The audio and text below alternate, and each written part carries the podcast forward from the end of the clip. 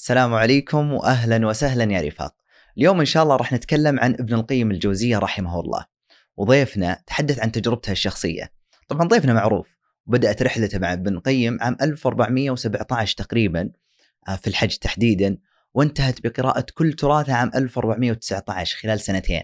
عمره وقتها تقريبا 21 سنة. ضيفنا وضيفكم هو المهندس الشيخ عبد الله العجيري باحث شرعي وباحث العلوم المعاصرة والفكر المعاصر. طبعا الشيخ عبد الله قال سابقا في أحد اللقاءات أن تعرفه على ابن قيم كانت لحظة مفصلية في حياته. راح نتعرف عن هذه اللحظة وكيف بدأت علاقة آه، الشيخ عبد الله مع ابن قيم، ما هي الكتب الأبرز اللي قرأها، هو قرأ كل كتبه لكن صنف كتب ابن قيم كتب الأهم والكتب المهمة. وعن علاقة ابن قيم مع ابن تيمية والكثير من التفاصيل اللي تطرقنا لها. حلقة كانت ممتعة تعرفنا على جوانب كثيرة من تجربة الشيخ عبد العجيري مع ابن قيم الشخصية وبنفس الوقت عن شخصية ابن القيم وشوي كذا تطرقنا لابن تيمية، طبعا لا يخلو ذكر ابن قيم مع ذكر ابن تيمية. استمتعت كثيرا في هذه الحلقة وأتمنى أنكم تستمتعون وتستفيدون. ودائما أنسى ما أقول لكم هذه الكلمة اللي هي آه إذا رايتم ان هذه الحلقة آه مناسبة واستفدتوا منها فشاركوها من يهمهم الأمر. كذلك معكم محمد الشثري مقدم بودكاست جولان أحد مبادرات نادي كتابي بالشراكة مع شبكة مايكس البودكاست. أما الآن لتبدأ جولتنا.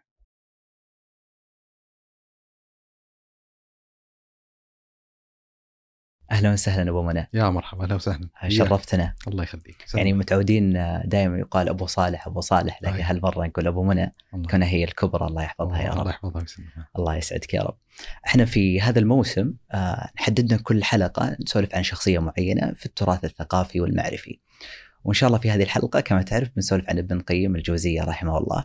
عن بداياتك معه وتراثه وعلمه ومعرفته وارتباطه بابن تيمية وغيرها من الأسئلة. لكن خلنا في البداية أذكر ذكرت مقولة في أحد المحاضرات أن ابن قيم يمثل على المستوى الشخصي لحظة مفصلية في حياتك آه، بدأت في أتوقع في الحج وحاجة زي كذا. خلينا نسأل هذا السؤال في البداية كيف تعرفت على ابن قيم؟ هل هو كان بالمصادفة أو كان اسمه يمر الين وقعت على أحد كتبه؟ فكيف كانت بدايتك معه؟ والله يعني ابن القيم رحمة الله عليه طبعا في يعني جملة من المؤلفين يمر عليهم الإنسان في حالة العلمية حتى سابقة هذه اللحظة المفصلية اللي تكلمت عنها في أحد المناسبات في قضية الحج. يعني الكتابة الأولى أظن اللي تعرفت من خلال على ابن القيم كان الداء والدواء أو كتاب الجواب الكافي لمن سأل عن دواء الشافي وأظن أبناء جيلي يعني جزء من الشخصيات اللي شكلت وعيهم حيال قضية العلاقة بين الجنسين أو قضية غض البصر كان ابن القيم خصوصا في هذا الكتاب. بس ما كانت هذه اللحظة تمثل لحظة مفصلية في حياتي في الإشراف على مشروع ابن القيم رحمة الله عليه. اللي حصل يعني بعد ذلك وأنا لما أتكلم إن لماذا ابن القيم لحظه مفصلية لعدة مستويات واعتبارات. يعني في من الاعتبارات الأساسية اللي هو حجم التأثير العلمي اللي أحدثه هذا الرجل في شخصيتي العلمية هذا من جانب معين. الجانب الثاني إنه هو يمثل المشروع العلمي رقم واحد بالنسبة إلي. يعني أنا أحد الدعوات اللي أقيمها لكثير من الشباب ان من الجيد من المناسب ان يأتي الإنسان إلى شخصية علمية أو فكرية أو ثقافية معينة ويسعى إلى محاولة قراءة مشروعه الفكري كاملا. فأول مشروع سلطت عليه هذه التجربة في قراءة مشروعها كاملا كان ابن القيم رحمة الله عليه. ومثل ما ذكرت يمكن أنت أشرت إشارة إلى هذه القضية إن هي لحظة آه، كانت من قبيل الصدفه والصدفة اللي يعني كانت محظوظة جدا بالنسبة إلي إن أحد عاداتي المتعلقة بالحج وكنا قديما نحج سنويا فكنت كل سنة أنتخب كتابا في الأحكام المناسك. يعني مثلا كتاب تفسير سورة الحج للشيخ محمد الأمين الشنقيطي الصديق الشيخ عبد الرحمن الهرفي عنده مجموع طيب في اختيارات بعض أهل العلم في قضية أحكام المناسك الشرح الممتع للشيخ ابن عثيمين فصادف في إحدى تلك السنوات كنت في ثاني جامعة تقريبا أني انتخبت لتلك السنة قراءة المجلد الثاني من زاد المعاد لابن القيم رحمة الله عليه خصوصا ما يتعلق بهدي النبي صلى الله عليه وسلم في الحج يعني ابتدأت المشروع في الحج بقراءة هدي النبي صلى الله عليه وسلم في الحج. يعني حتى من الالتقاطات اللي ما يعني ما تستطيع ما استطيع أغيبها من الذاكرة أني جالس فوق أحد الفانات في نفرتنا من عرفة إلى مزدلفة وحامل الكتاب وأنا محرم بين يديني وأقرأ في في الأحكام المتعلقة بهذا الباب. اللي حصل بعد ذلك إن بحمد الله عز وجل يعني انتهيت من هدي النبي صلى الله عليه وسلم في الحج ولما ينتهي الحج. فكملت المجلد إلى نهايته في أحكام الكنى والأسماء في بعض الأشياء أحكام متعلقة بالأذكار. ولسه إحنا في الحج فرجعت المجلد من بدايته هدي النبي صلى الله عليه وسلم في الزكاة. ويعني هدي النبي صلى الله عليه وسلم في الصيام وهدية في الزكاة. ف وانتهيت من المجلد الثاني مع انتهاء الموسم موسم الحج. فطبعا اللي حصل إن أنا قرأت عدد من الكتابات في موضوع الحج القراءة لابن القيم كان له جوها ومزاجها العلمي الخاص يعني أنا قرأت جزءا من زاد المعاد وهو أحد الجوانب الجميلة والطريفة والمعجب لكثير من الناس اللي يقاربون كتاب زاد المعاد مم. اللي هو ما يتعلق بجناب النبي صلى الله عليه وسلم صفات الله عز وجل له أسماء النبي صلى الله عليه وسلم زوجات النبي صلى الله عليه وسلم أبناء النبي صلى الله عليه وسلم بنات النبي صلى الله عليه وسلم أسلحة النبي صلى الله عليه وسلم متاع النبي صلى الله عليه وسلم لباس النبي صلى الله عليه وسلم يعني جزء من الشق المتعلق بشمائل النبي صلى الله عليه وسلم أو شيء مما يتعلق به صلى الله عليه وسلم. وفي الغالب أنا كنت أدرك هذا من كثير من أقراني إن لا يتجاوز قراءتهم لابن القيم عموما أو قراءة زاد المعاد خصوصا هذا القدر من المجلد الأول. اللي حصل في الحج ان استطعت الحين إني أنتقل إلى فضاء أوسع مما يتعلق بالكتاب وأضع يدي على جزء من التميزات العلمية اللي كانت موجودة عند ابن القيم، وأن طبيعة المعالجة اللي قدمها ابن القيم وطبيعة الأبحاث وطبيعة الجدليات الفقهية كانت مذهلة بصراحة بالنسبة لي، يعني لما يتكلم ابن القيم عن ما هو النسك اللي اختاره الله عز وجل للنبي صلى الله عليه وسلم في حجه، هل كان قارنا أم متمتعا أم مفردا؟ والخلافات المذهبية وكيف قاعد يعالج هذه الخلافات المذهبية وجدت روحا فقهية جديدة تماما عليه. وهذه يعني كما ذكرت مرحلة عمرية مبكر في حياة الإنسان. فبمجرد ما رجعت إلى البلد رحت رجعت أقرأ المجلد الأول ثم عدت قراءة المجلد الثاني من زاد المعاد الثالث الرابع الخامس وبه انتهيت زاد المعاد وانفتحت شهية الإنسان للاطلاع على هذا العالم الموسوعي فبديت أقرأ أقرأ أقرأ أقرأ أقرأ لمدة يعني ممكن سنة سنة وكسر وبحمد الله عز وجل انتهيت من الإلمام بمشروع ابن القيم رحمة الله عليه حتى أذكر من الأشياء الطريفة أن يعني إحنا من الأشياء اللي ابتلينا بها في تلك الحقبة الزمانيه إن في بعض الكتب من المشروع ما كانت متوفرة عند الإنسان ولكن عندنا عالم ال PDF وعالم الإنترنت كما يقال. فأذكر كان باقي كتاب واحد ومتالم متحسر إن ما أستطيع إني يعني أتفاخر على إقراني إن انتهيت من مشروع ابن القيم لأن بقي جزء من هذا المشروع يسير جدا صفحات قليلة ما قرأته وهو كتاب إغاثة اللهفان في طلاق الغضبان. يعني عنده إغاثة اللهفان في من مصايد الشيطان. كتاب طبعا قرأته مجلدين. لكن إغاثة اللهفان في طلاق الغضبان رسالة صغيرة لابن القيم. في حكم يعني طلاق الغضبان هل يقع أم لا يقع طلاق الغضبان. وسبحان الله كنت في مناسبة يعني في سفرة إلى المسجد النبوي في المدينة. وكان من عادتي أني أخرج أحيانا وأدور في الأحياء المجاورة للمسجد النبوي أمر على المكتبات فمصادفة دخلت إلى أحد المكتبات. فإذا أنا أمامي كتاب اللي هو الكتاب إغاثة اللفان في طلاق الغضبان وتحقيقه يعتبر ممتاز جدا كان وقتها تحقيق جمال الدين القاسمي. فأذكر مباشرة اقتنيت الكتاب وذهبت إلى الشقة مع أصحابي وتج... يعني أخذت لي زاوية بعيدا وأنجزت القراءة. طبعا من الأشياء المذهلة صراحة يعني فيما يتعلق ابن القيم يعني آه لم يكن طبعا هذا نهاية المشوار مع ابن القيم، يعني أنا في عدد من كتب ابن القيم عاودت قراءتها مرتين وثلاثة وأربعة. وبعض الشخصيات اللي تؤثر في حياة الإنسان العلمية في طور مبكر في حياته أحيانا قد يكون يعني تحت سطوة الاكتشاف الجديد وتحت سطوة يعني حالته المعرفية العلمية المتدنية فقد يبهرج هذه الشخصية بأكبر ما تستحق من حجمها، فإذا عاود الإنسان قراءه المرة الثانية أو الثالثة أحيانا يتضاءل في نفسه. يعني ماشي يقدر يعترف ان انه كان شخصية مؤثرة في تلك اللحظة العمرية بالنسبة لي لكن كبر الإنسان يعني بالإنجليزية يقول outgrowed I outgrowed him يعني إني كبرت وتجاوزت يعني هذه الشخصية. فأنا أحفظ لها بالود والامتنان أنها أثرت علي في تلك اللحظة. لكن اليوم صراحة أنظر إلى الكتاب دون المستوى اللي كنت أنظر إليه في تلك اللحظة الزمنية.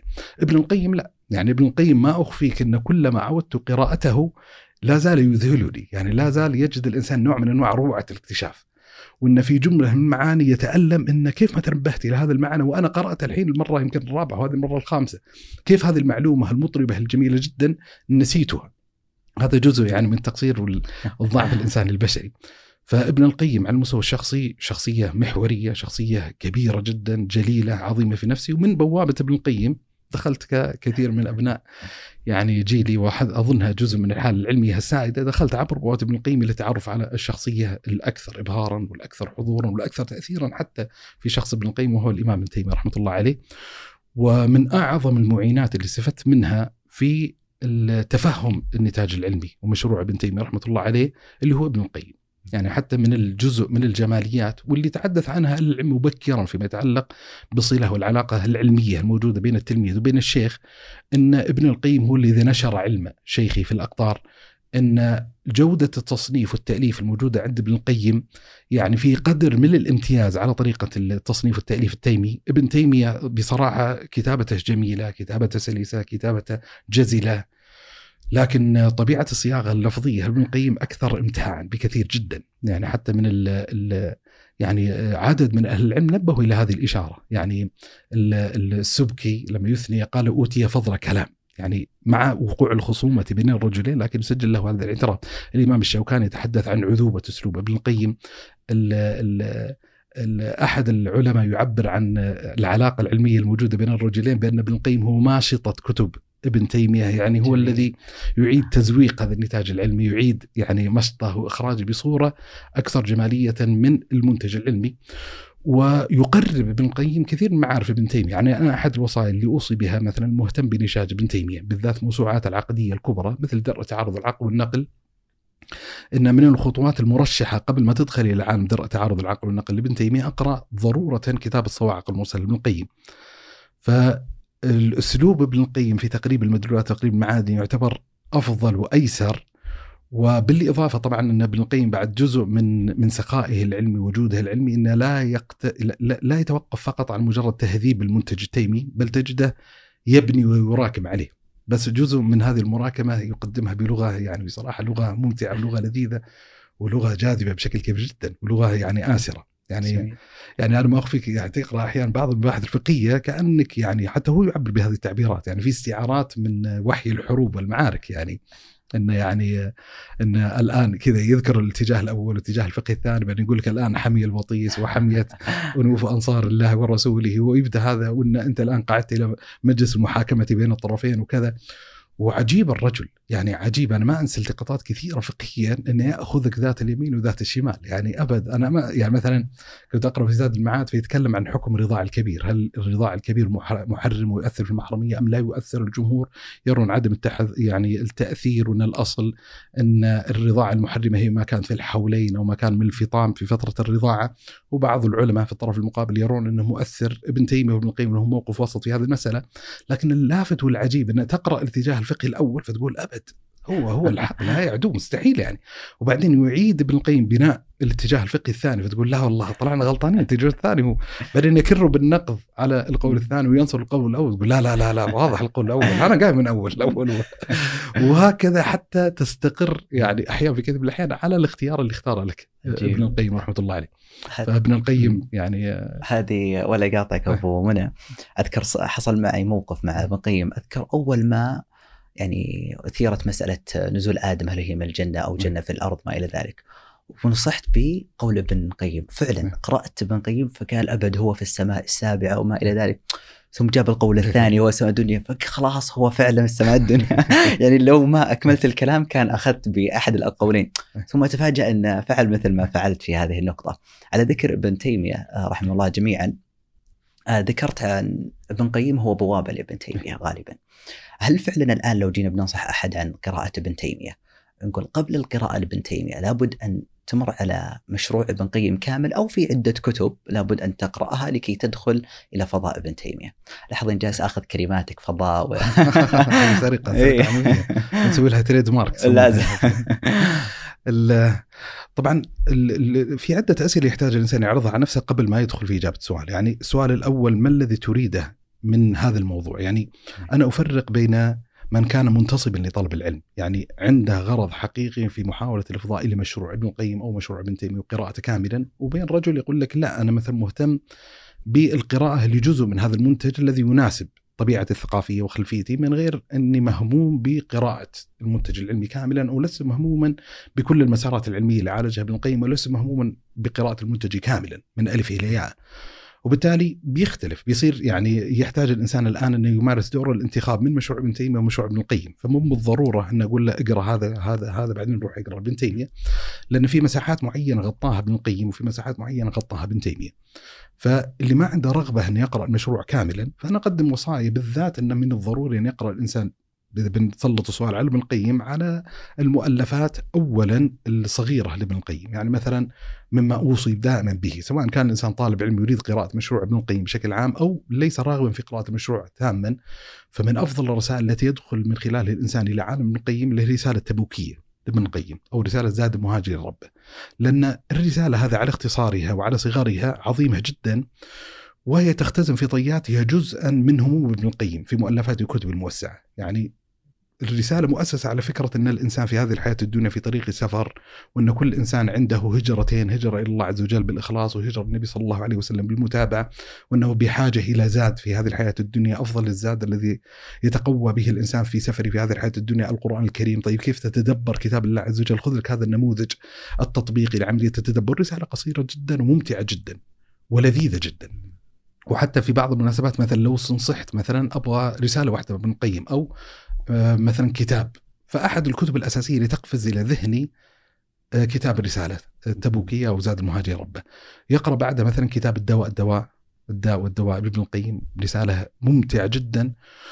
وإذا تعمق يعني يعني أحد جوانب الإمتاع الموجودة في الكتاب إنه لو كان الإنسان عنده قدر من التعمق فيما يتعلق بطبائع النفوس وما يتعلق بالطبائع الاجتماعية أو بالعلوم الإنسانية بشكل عام ترى ويسلط أدواته العلمية البحثية على قراءة هذا المنتج. يعني أظن أنه بيخرج ب يعني فوائد وأشياء كبيرة جدا وهذا جزء من ممارسة موجودة. يعني في دراسات تتكلم عن ابن القيم من الزاوية التربوية على سبيل المثال ويسلط الضوء على المنتج التربوي اللي قدمه ابن القيم. فالداء والدواء كتاب عظيم وكتاب جليل وكتاب يعبر عن جزء من الروح الموجودة عند ابن القيم اللي أخذها اظن من شيخه وهو أعبر عنها بالسخاء العلمي أو الجود المعرفي. يعني حتى ابن القيم أشار إشارة إلى هذه القضية، يعني أحد المواطن التي يعتب بها على على ابن تيمية ويعتب بها ابن القيم اللي هو الاستطراد يمنة ويسر واحيانا يطول الاستطراد وكذا. فابن القيم في أحد المناسبات ناسي هل هو في إعلام الموقعين أو في المدارج إنه ذكر ان تكلم عن فكرة الجود العلمي وإنه لا يقتصر الانسان في تقديم الجواب على مجرد مجرد آه، السؤال وإنه يختصر الإنسان في إجابة بعض الأسئلة عن نعم ولا وإنما يتكلم عن لوازم ما يتعلق بالجواب والمتعلقات به وكذا ويتكلم عن الظاهرة التيمية المتعلقة بهذه المسألة إنه يعني يناقش ابن تيمية قضية بعدين يشطح ويستطرد وياخذ لك 10 20 30 40 50 60 70 صفحة بحيث الذي لا يعني يقرأ بشكل عجل قد لا يتنبه إن ابن تيمية الحين خرج عن موضوع إلى موضوع آخر وترى بيرجع الموضوع الأول بس بتقطع معاه مشوار. وحتى من الأشياء الطريفة وواضح إن الانتقاد مبكر. إنه كان يورد ابن القيم إن بعضهم يعني ينتقد ابن تيمية إن حاله كمن سئل عن الطريق إلى مصر فأخبر عن الطريق إلى مصر ومكة والعراق وخراسان والمدينة. يعني أعطاه فجالس يدفع ابن القيم نوع من أنواع التهمة المتعلقة بهذه المسألة عن ابن تيمية وهو فعليا يمارس جزءا من الدور المتعلق وليش أنا أعبر؟ الدواء والدواء في الحقيقة ليس معبرا عن حالة الاستطراد بس حاله من حالات السخاء العلمي بمعنى انه جاء استفتاء متعلق ب يعني بقضية تعلق بالصور وقضايا العشق وكيف يستطيع الإنسان يتخلص من هذه المسألة فتجد ابن القيم لم يقتصر في تقديم الفتيه أو الجواب بصفحة صفحتين ثلاثة عشر عشرين لا طلع كتابا كاملا. يعني أحد المقارنات اللي تعبر فعلا عن جود المعرفي الموجود عند ابن القيم والسخاء العلمي الهائل والمرعب في رسالة لابن القيم في حكم السمع رسالة في حكم السمع يتكلم عن قضية الغناء والتعلق بالغناء والتعبد لله عز وجل بقضية الغناء والموسيقى والأحكام الشرعية المتعلقة بها. الطريف في الموضوع أن هذه الرسالة هي نتاج استفتاء. هذا الاستفتاء عرض على عدد من أهل العلم. يعني أنا عندي طبعة معينة لكتاب آه، الرسالة في حكم السماع لابن القيم. في آخر الكتاب ملحق بأجوبة أهل العلم على ذات الاستفتاء. عدد من الأجوبة ملحقة. لا تكاد تتجاوز الإجابات يعني أطولها أظن صفحة صفحتين وأقصرها يمكن نص صفحة في تقديم الجواب. بخلاف ابن القيم بلا مبالغة يمكن 100 150 صفحة في تقديم جواب متعلق بهذه المسألة. فأنا على طريقتهم واضح أيوه ما شاء الله عليك يمين وشمال زين. فالرسالة التبوكية ذكرنا الداء والدواء والوابل الصيب. لابن القيم يعني ممتاز جدا أن يطلع عنه ويقرأ.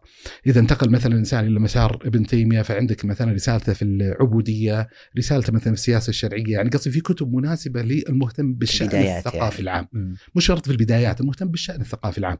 يعني لما تتكلم عن مشروع ابن القيم لمن يريد أن يقرأ مشروع ابن القيم الحين خلينا نركز عليه. يحتاج أحيانا الإنسان في بعض ما يتعلق بهذا النتاج العلمي أن يكون عنده نوع من أنواع الدراية والخلفية المعرفية. في في قاعدة شرعية علمية مبنية عنده. وفي بعض مؤلفات ابن القيم لا تستدعي بالضرورة وجود هذا الخلفية أو القاعدة الثقافية. يعني مثلا الكتب اللي ذكرناها صغيرة. في عنده رسالة ابن القيم إلى أحد أصدقائه ولا أحد اصحابه تدخل في نفس المضمار رسالة له في الحمد تدخل في نفس المضمار. مثلا الكتب اللي لا تستدعي وجود خلفية معرفية تفصيلية مثلا جلاء الأفهام في الصلاة والصلاة على خير الأنام صلى الله عليه وآله وسلم حادي الأرواح إلى بلاد الأفراح كتابه جميله جدا فيما يتعلق بالجنة. كثير من المعاني الموجودة في كتاب مدارج سالكين يمشي الحال يعني اللي عنده مستوى ثقافي معين يستطيع أن يتفهم الكلمات يمشي حاله في تفهم كثير من الأشياء. لكن على سبيل المثال لما يقرأ الإنسان مثلا في علام الموقعين عن رب العالمين أظن إن حتى يستوعب الإنسان هذا المشروع استيعابا جيدا لابد يكون عنده على الأقل قاعدة أصولية جيدة إلى حد ما.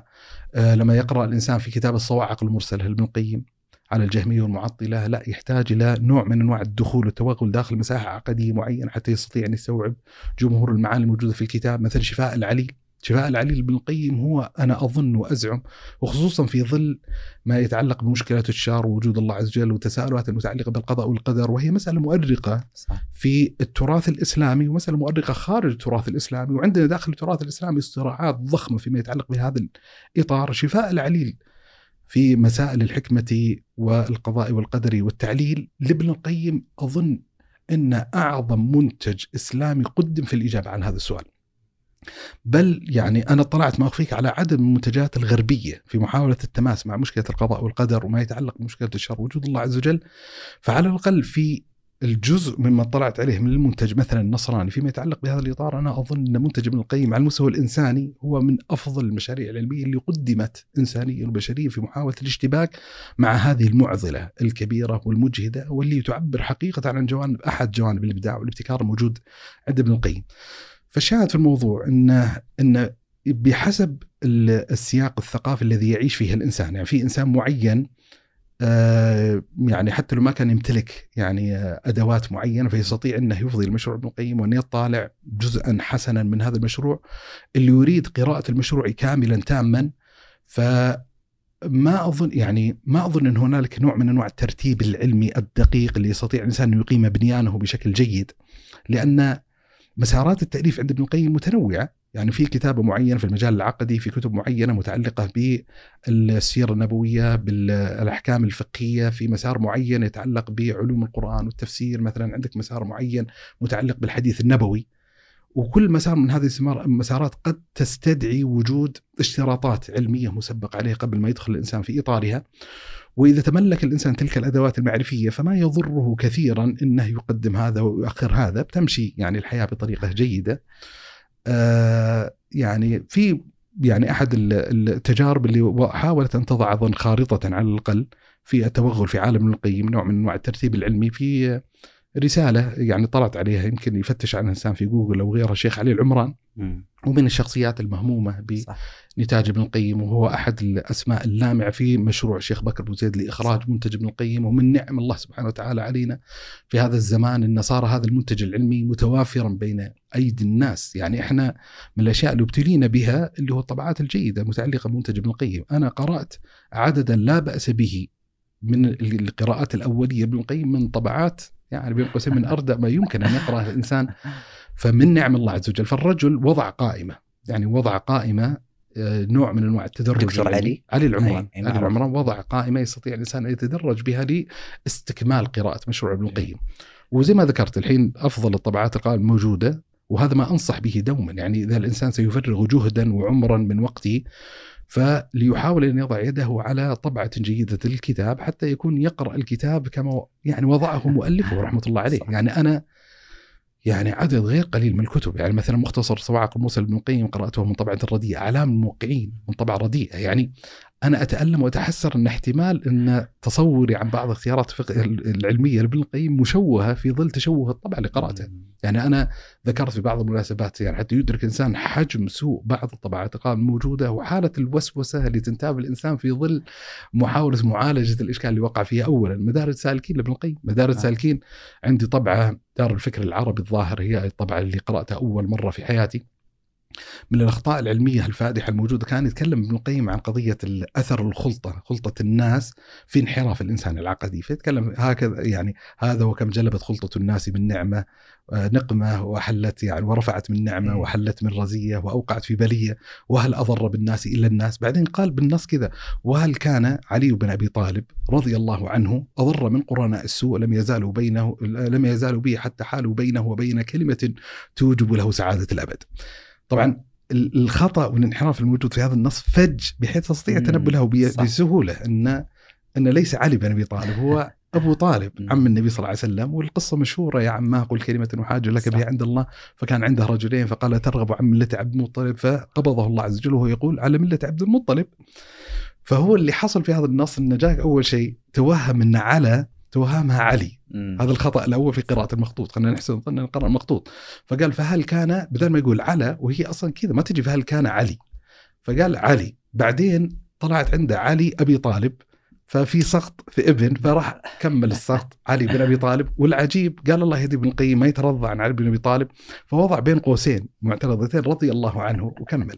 فهذا هذا الخطأ العلمي فج تستطيع تنبه له. بس إيش حجم الأخطاء العلمية اللي ممكن تمر عليك ولا تتنبه لفجاجتها ولذا أذكر يعني بعدها اقتنيت مباشرة طبعه محمد حامد الفقي بعدين طبعه عبد العزيز جليل بعدين طبعه لعامر ياسين ثم طبعه لدار الصميعي ثم الطبعه الاخيره دار عامل الفؤاد هذه كلها الطبعات الموجوده جزء منها من حالة محاولة كفارة للإشكاليات اللي حصلت في هذا.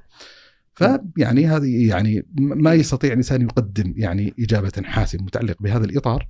وزي ما ذكرت يعني قصار الأمر إنه ممكن الإنسان يقول يعني مثلا من نصائح إذا بيقرأ المشروع من النصائح اللي أشوفها جيدة ومهمة جدا اللي هو تحزيم الكتب التي تنتمي إلى فن واحد. جميل. يعني مثلا إذا بتقرأ مثلا في المجال العقدي فعندك مثلا كتاب الصواعق المرسلة، اجتماع الجيوش الإسلامية، شفاء العليل، هدايه النصارى، هذه كلها كتب هداية الحياره من اليهود والنصارى هذه كلها كتب في المجال العقدي. هذه المقاربة لأن ستجد بعض المعاني ممكن تتكرر ستجد بعض المعاني ممكن يتغير رأي ابن القيم رحمة الله عليه فيها يعضد المعاني بعضها بعضا وبعدين تحزم الكتب الأخرى. هذا مثلا أحد الوصايا المتعلقة. من الوصايا اللي أشوفها نافعة وانتفعت بها بشكل كبير جدا وصارت يعني أشبه المنهج المعتمد عندي في قراءة المشاريع العلمية بشكل عام وهو محاولة يعني استنفاذ قراءة المشروع في زمن متقارب.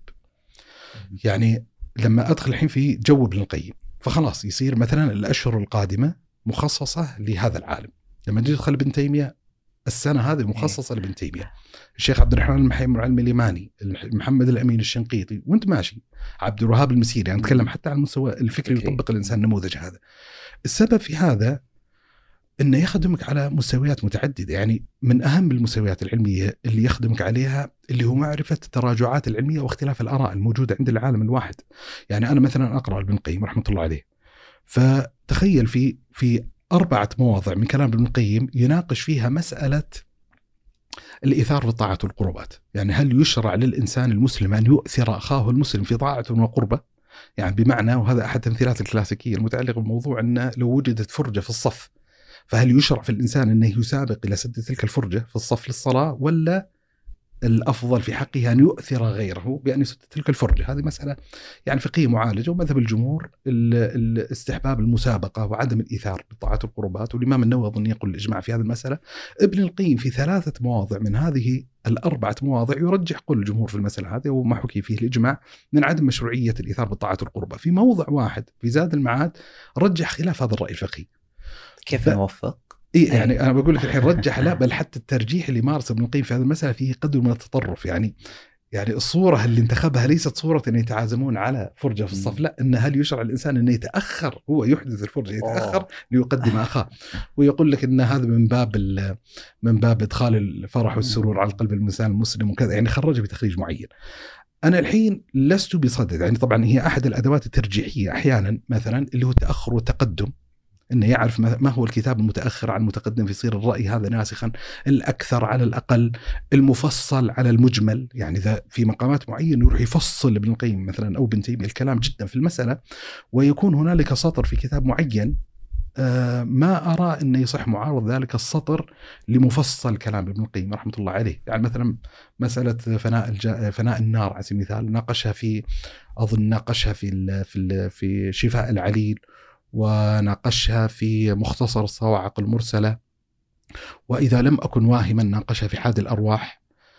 فهذه النقاش مفصل له نص موجود في الوابل الصيب قد يفهم معنى آخر في كيف يخلق التوازن. فأنا ميال إلى أعمال المفصل على حساب المجمل أو المختصر أو المقتضب على سبيل المثال. فهذا أحد الأدوات يعني تجد مثلا ابن القيم مثلا في في في زكاة الحلي على سبيل المثال في كتاب معين يرجح آه، في أعلام الموقعين أن لا, لا زكاة في الحلي في موضع آخر من كتبه يرجح أن زكاة الحلي المستعمل آه، عاريته أنه يعار فإذا لم يعار لازم فيها الزكاة. أنا مش الحين بصدد ما هو كيف يرجح الإنسان أنا بصدد إن إن أحد الفوائد لما يقرأ الإنسان المشروع بشكل متقارب الامتياز العلمي اللي يحصل الحين إنه يستطيع التنبه إلى هذه المواضع. يعني لو وزع الكتاب على فترة زمنية طويلة قد ينسي المتأخر صح. السابق وينسى أن ابن القيم عرض المسألة هذه ورجح هذا الخيار الفقهي لا بس إذا قصرت المدة يصير مر عليك الرأي كأن ابن القيم رجح رأي آخر هذا مفيد جدا لأن يصير لما أريد أني أنسب رأي لابن القيم على الأقل أصير مستحضر أن اختلف قوله في المسألة صح. بدل ما يصير المرجح عند ابن القيم هو ما تأخر علمي فقط من نتاجه. مثلا من الفوائد اللي يجنيها اللي هو معرفة مقامات الإجمال والتفصيل في كلام ابن القيم. يعني مثلا من الاعتبارات أو من الخيارات الفقهية الجميلة لابن القيم واللي هي ما أخفيك تجعل يعني جزء من ال ال الاعتبارات الجاذبة في شخصية ابن القيم رحمة الله عليه عندي. اللي هو الرجل ليس يعني مجرد مستودع معرفي علمي من غير ممارسة فعلية عملية سلوكية متعلقة بحياته. يعني ابن القيم لما تقرأ مدارج السالكين تجد فيه من معاني اليقين، معاني الخشوع، معاني الإخبات، ومعاني الافتقار، وفي معاني إيمانية جميلة.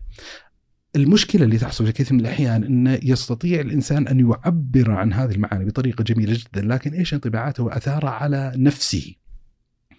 يعني كثير من اللي يتحدثون في هذه الأبواب ونسأل الله عز وجل أن يغفر لنا يصير يشعر أن هنالك نوع من أنواع المديونية الثقيلة اللي قاعد يصرف منها من غير ما يعني يعني يستحق أن يتحدث في هذه المناسبات، ابن القيم لا يتكلم من حقيقة يعني واقعية يعيشها يعني أنا جبت المثال هذا لماذا؟ الحين مقام التفصيل والاجماع.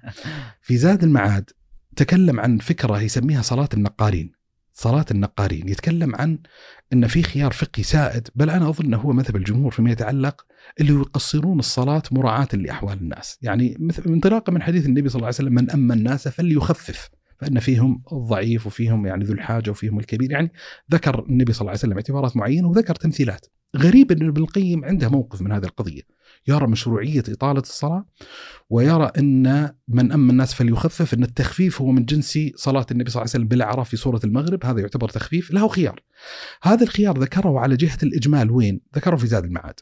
وفصل الكلام فيه جدا بذكر كل أدلة متعلقة بهذه المسألة في كتابه حكم تارك الصلاة. أنا ليش يعني أقول لك جانب الجاذبية؟ الآن هو يتحدث عن مشروعية تطويل الصلاة. عنصر جاذب جدا بالنسبة لي ويدل على صدقية الرجل لما تقرأ عند الحافظ بن كثير رحمة الله عليه ويتحدث عن يعني قرينه أو شيخه ابن القيم فيقول لا أعرف أحدا من أهل زماننا أكثر عبادة منه يقول وكان له طريقة في الصلاة يطيله جدا ويتم ركوعه وسجوده ويلام في ذلك فلا يرجع ويتحدث ابن رجب كذلك تلميذ ابن القيم إن كان له طريقة في الصلاة إلى الغاية القصوى.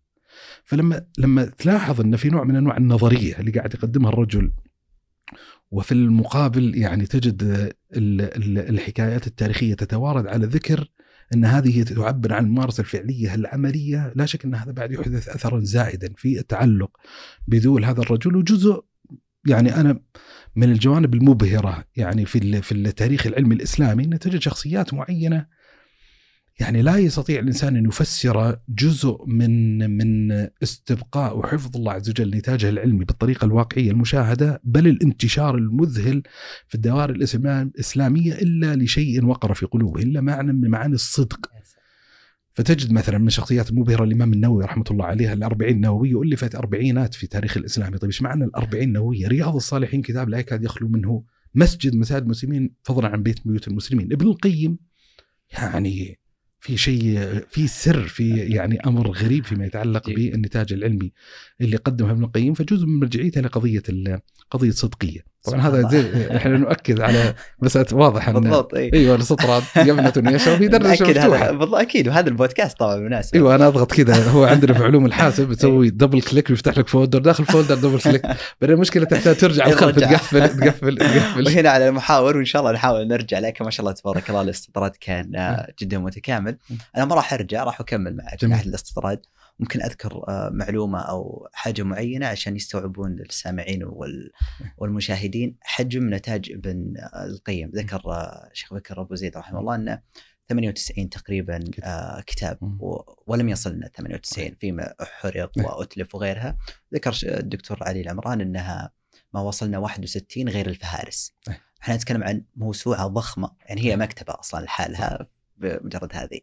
أه، بودي أعرف تجربة أه، أبو منى الشخصية في قراءة أه، كيف قرأ نتاج أه، وتراث ابن القيم كامل؟ خاصة تتكلم عن مرحلة مبكرة في حياتك ممكن ما في موجه. وهل قرأته صعب ثم السهل كيف كانت يعني؟ الآن إحنا فصلنا نقرأ واحد اثنين ثلاثة عشان تدخل.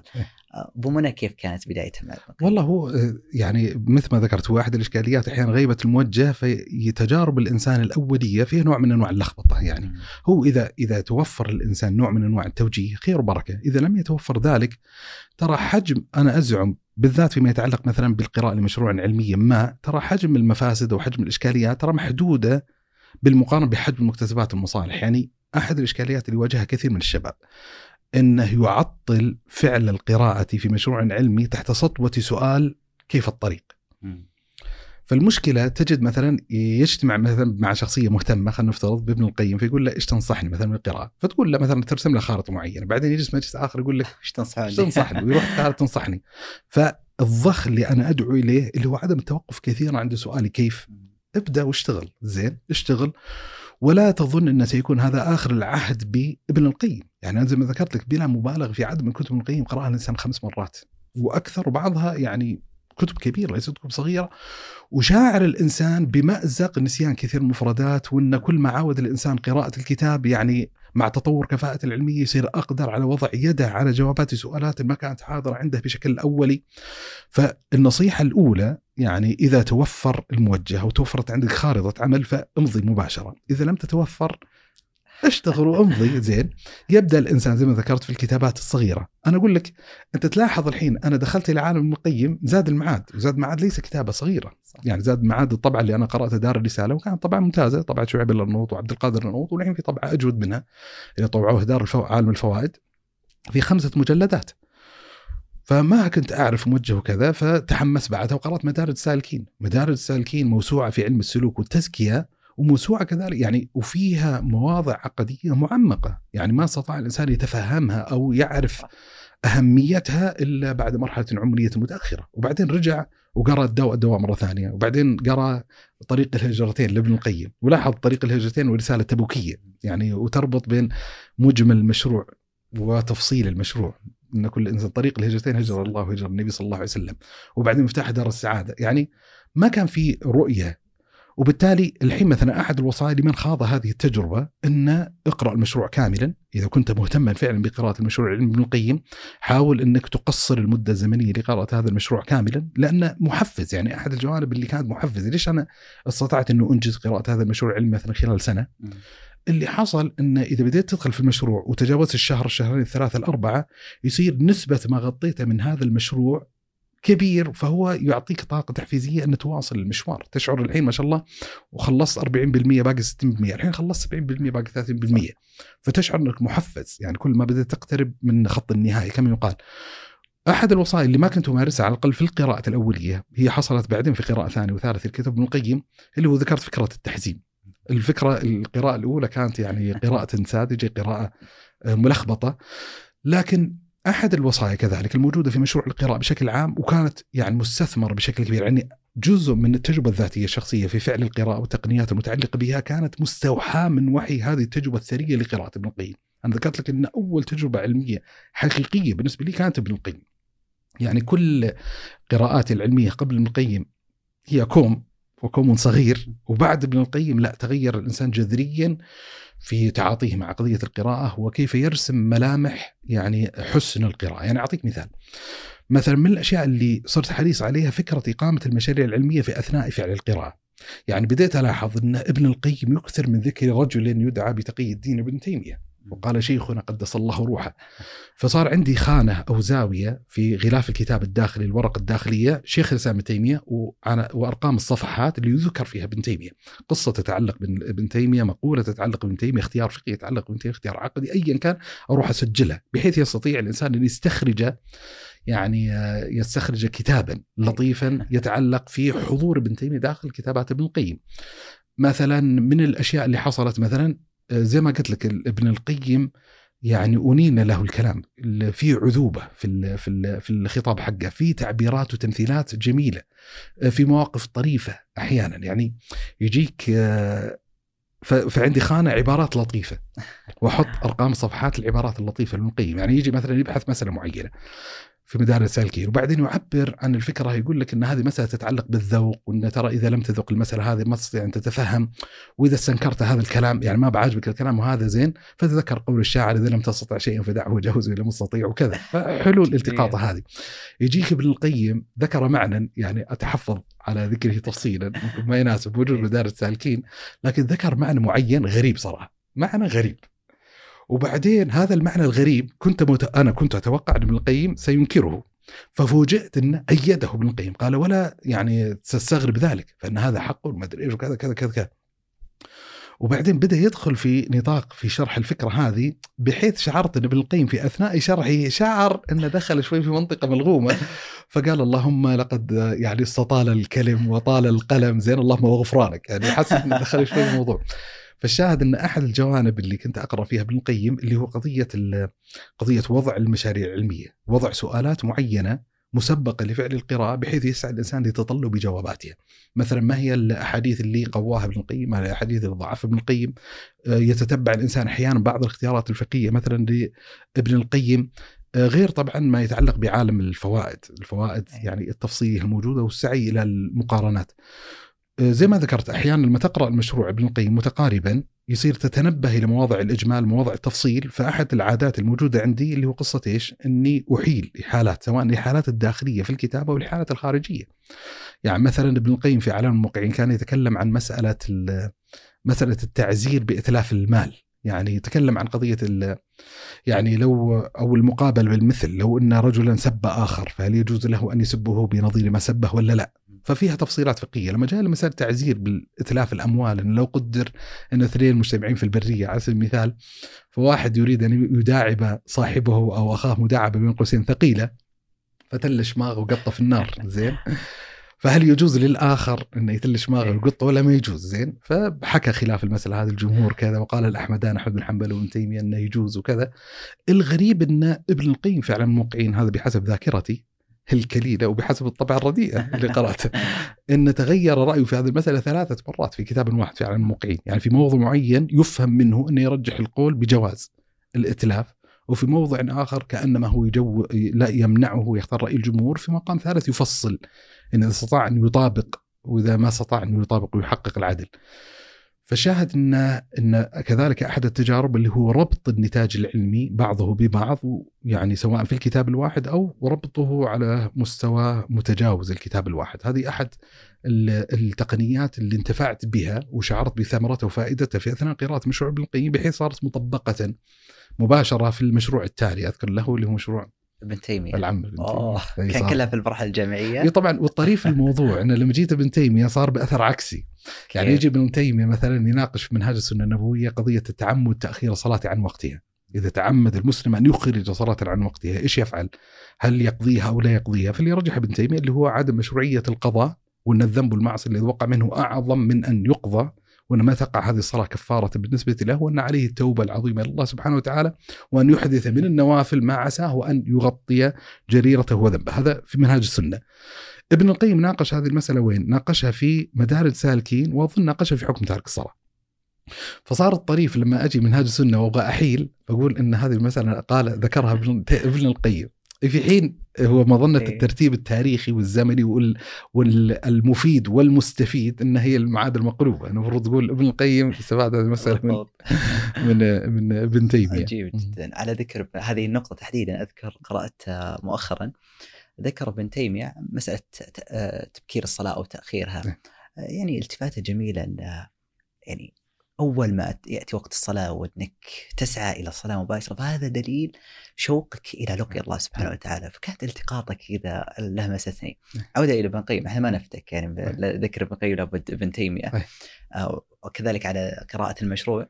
آه، ذكرت في أحد اللقاءات أن لابن القيم آه، كتب أهم وكتب مهم. هل هذا الأمر يعني عرفت ما بعد القراءة وكانت قبل قراءة المشروع؟ ثم سؤال ثاني نعم. لعلي أنا برضو أدخل طيب أفصل. على ذك افتتحنا اللقاء باللحظة المفصلية. هل القراءة الأولى للمشروع كانت هي اللحظة المفصلية أو القراءة الثانية أو... والله بالنسبة لي اللحظة المفصلية كانت القراءة الأولى لاعتبار أن أن أحدث تغييرا جذريا. يعني تغييرا جذريا أتكلم عن مستويات متعدده المستوى الأول ما يتعلق بفعل القراءة باداه القراءة بآلة القراءة. أشعر انه تغير جذريا فيما يتعلق لا من جهة الكم ولا من جهة التحليل وكيفية التعاطي مع النص. وزي ما قلت لك إنه هو كان بالنسبة للمشروع الأول وجد الإنسان يعني اثرا وانطباعا إن من الضروري أن يستمر الإنسان في قراءة المشاريع العلمية.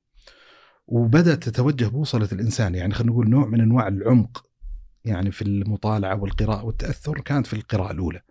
ما يلزم بالضرورة إنها كانت هي الانفع على المستوى المعرفي المعلوماتي بس أنا أتكلم عن المستوى الأثر. يعني م. أنا زي ما ذكرت لك ان بعض الشخصيات قد تحدث اثرا في نفسك هائلا كبيرا بس معرفيا لما تريد أن تحلل بعد فترة زمنية المادة اللي قرأتها تشعر انه صح. انه غريب.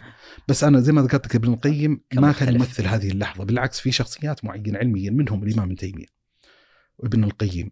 وغيرهم من أهل العلم إن إن القراءة الثانية يكشف لك مزيدا من العبقرية لأن أنت الحين نضج الأسئلة الموجودة في نفسك والأسئلة قاعد تعرضها على هذا العالم تطورت كفاءتها بشكل كبير. يعني أنا ذكرت في أحد مناسبات ابن تيمية أنا قرأت بدرء تعارض العقل والنقل ثلاث مرات كانت القراءة الأولى ذات طبيعة معينة، القراءة الثانية ذات طبيعة معينة، القراءة الثالثة اختلفت جذريا. لأن استطاع الإنسان الآن أن يطور كفاءة فهمه لكثير من النصوص في القراءتين السابقتين بحيث صار يستطيع أنه يتصور الخارطة خارطة الكتاب بشكل عام.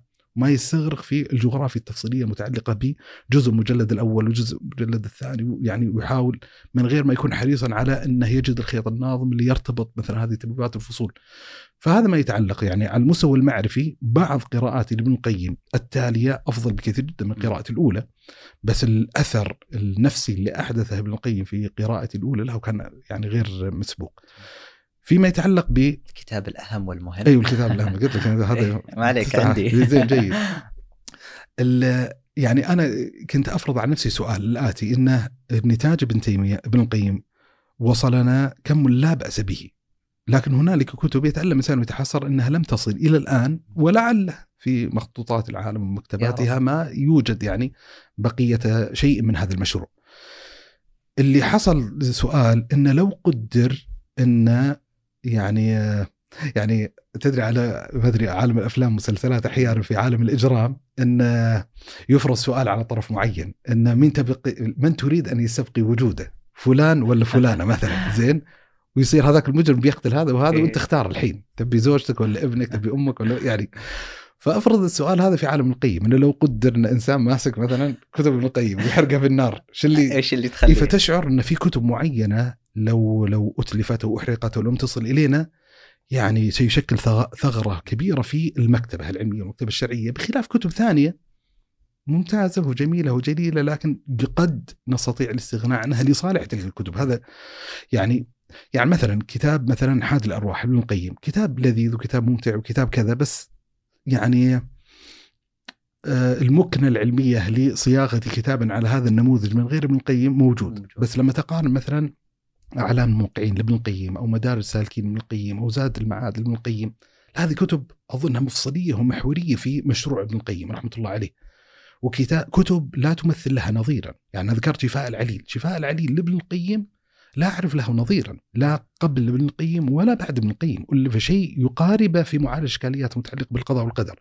طيب فأنا أطرح نفسي سؤال. كيف سيكون التاريخ العلمي لو ما وجد فيه مثل هذا الكتاب؟ فهذا هو اللي قصدته. ولذا يعني هي مؤلمة ومفارقة بالنسبة لي إن هل يوجد كتاب في صفة الجنة مثلا ككتاب حاد الأرواح؟ ما أعرف بصراحة في كتاب بس أشعر عرفت قصدي؟ بالإمكان يعني إيه بالإمكان مثلا جلاء الافهام ابن القيم كتاب ممتع ولذيذ وجليل وعظيم في أحكام الصلاة على النبي صلى الله عليه وسلم. في كتب أخرى القول البديع للإمام السخاوي في الصلاة والسلام على النبي الشفيع وكذا العنوان بس يعني يظل هنالك نكهة خاصة وامتياز حقيقي موجود في كتابة ابن القيم لكن من جهة التراتيب يعني هذا أقل أهمية. يعني في كتب معينة وفي أبحاث يعني مفصلية وخطيرة، يعني مثلا من الأبحاث المهمة لابن القيم مهمة جدا في التاريخ العلمي التحسين والتقبيح العقلي. هذه مسألة بحثها ابن القيم باستفاضة وتوسع في كتاب مفتاح دار السعادة، طيب لو ما وصلنا مفتاح دار السعادة في شعور بالغبن فيما يتعلق بهذه المسألة.